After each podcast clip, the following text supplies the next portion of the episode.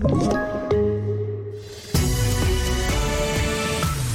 Lättade coronarestriktioner i nästa vecka, hög smittspridning i Norrbotten och idag hördes Yasin i rätten. Jag först i TV4-nyheterna om att det första steget av fem i avvecklingen av coronarestriktionerna kommer bli av på tisdag i nästa vecka som planerat. Bland annat tillåts då en sittande publik på upp till 50 personer inomhus och 500 personer utomhus. Dessutom tillåts sommarkollo och krogarna får hålla öppet till halv elva på kvällen. Om allt går som tänkt så kommer steg två och tre i juli månad. Vi hör statsminister Stefan Löfven.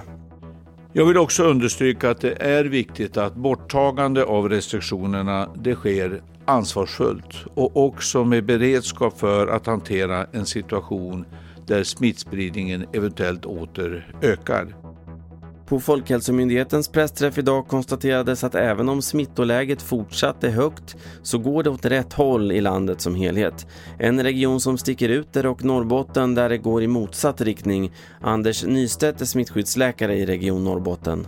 Det är fortfarande en väldigt hög belastning både på intensivvården och på slutenvården och det där är ju jobbigt och eh, eh, vården och vårdpersonalen i Norrbotten gruvar sig för åtminstone första halvan av sommaren här för det lär nog bli fortsatt eh, väldigt eh, hårt arbete för dem.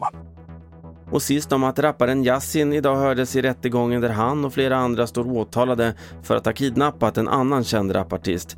Han nekar till brott och sa att han snarare försökte se till att avvärja kidnappningen. Jag vill inte längre att det ska ske någonting så jag vill bara alltså, hitta så fort jag får min läge och dra mig ur hela alltså, själva det här påträffandet att man ska träffas. Det är det läget jag letar efter så vid den tiden handlar det bara om att jag ska kunna säga till alla att vi ska röra oss vidare till nästa position. Det var senaste nytt från TV4 Nyheterna. Jag heter Carl-Oskar Alsen.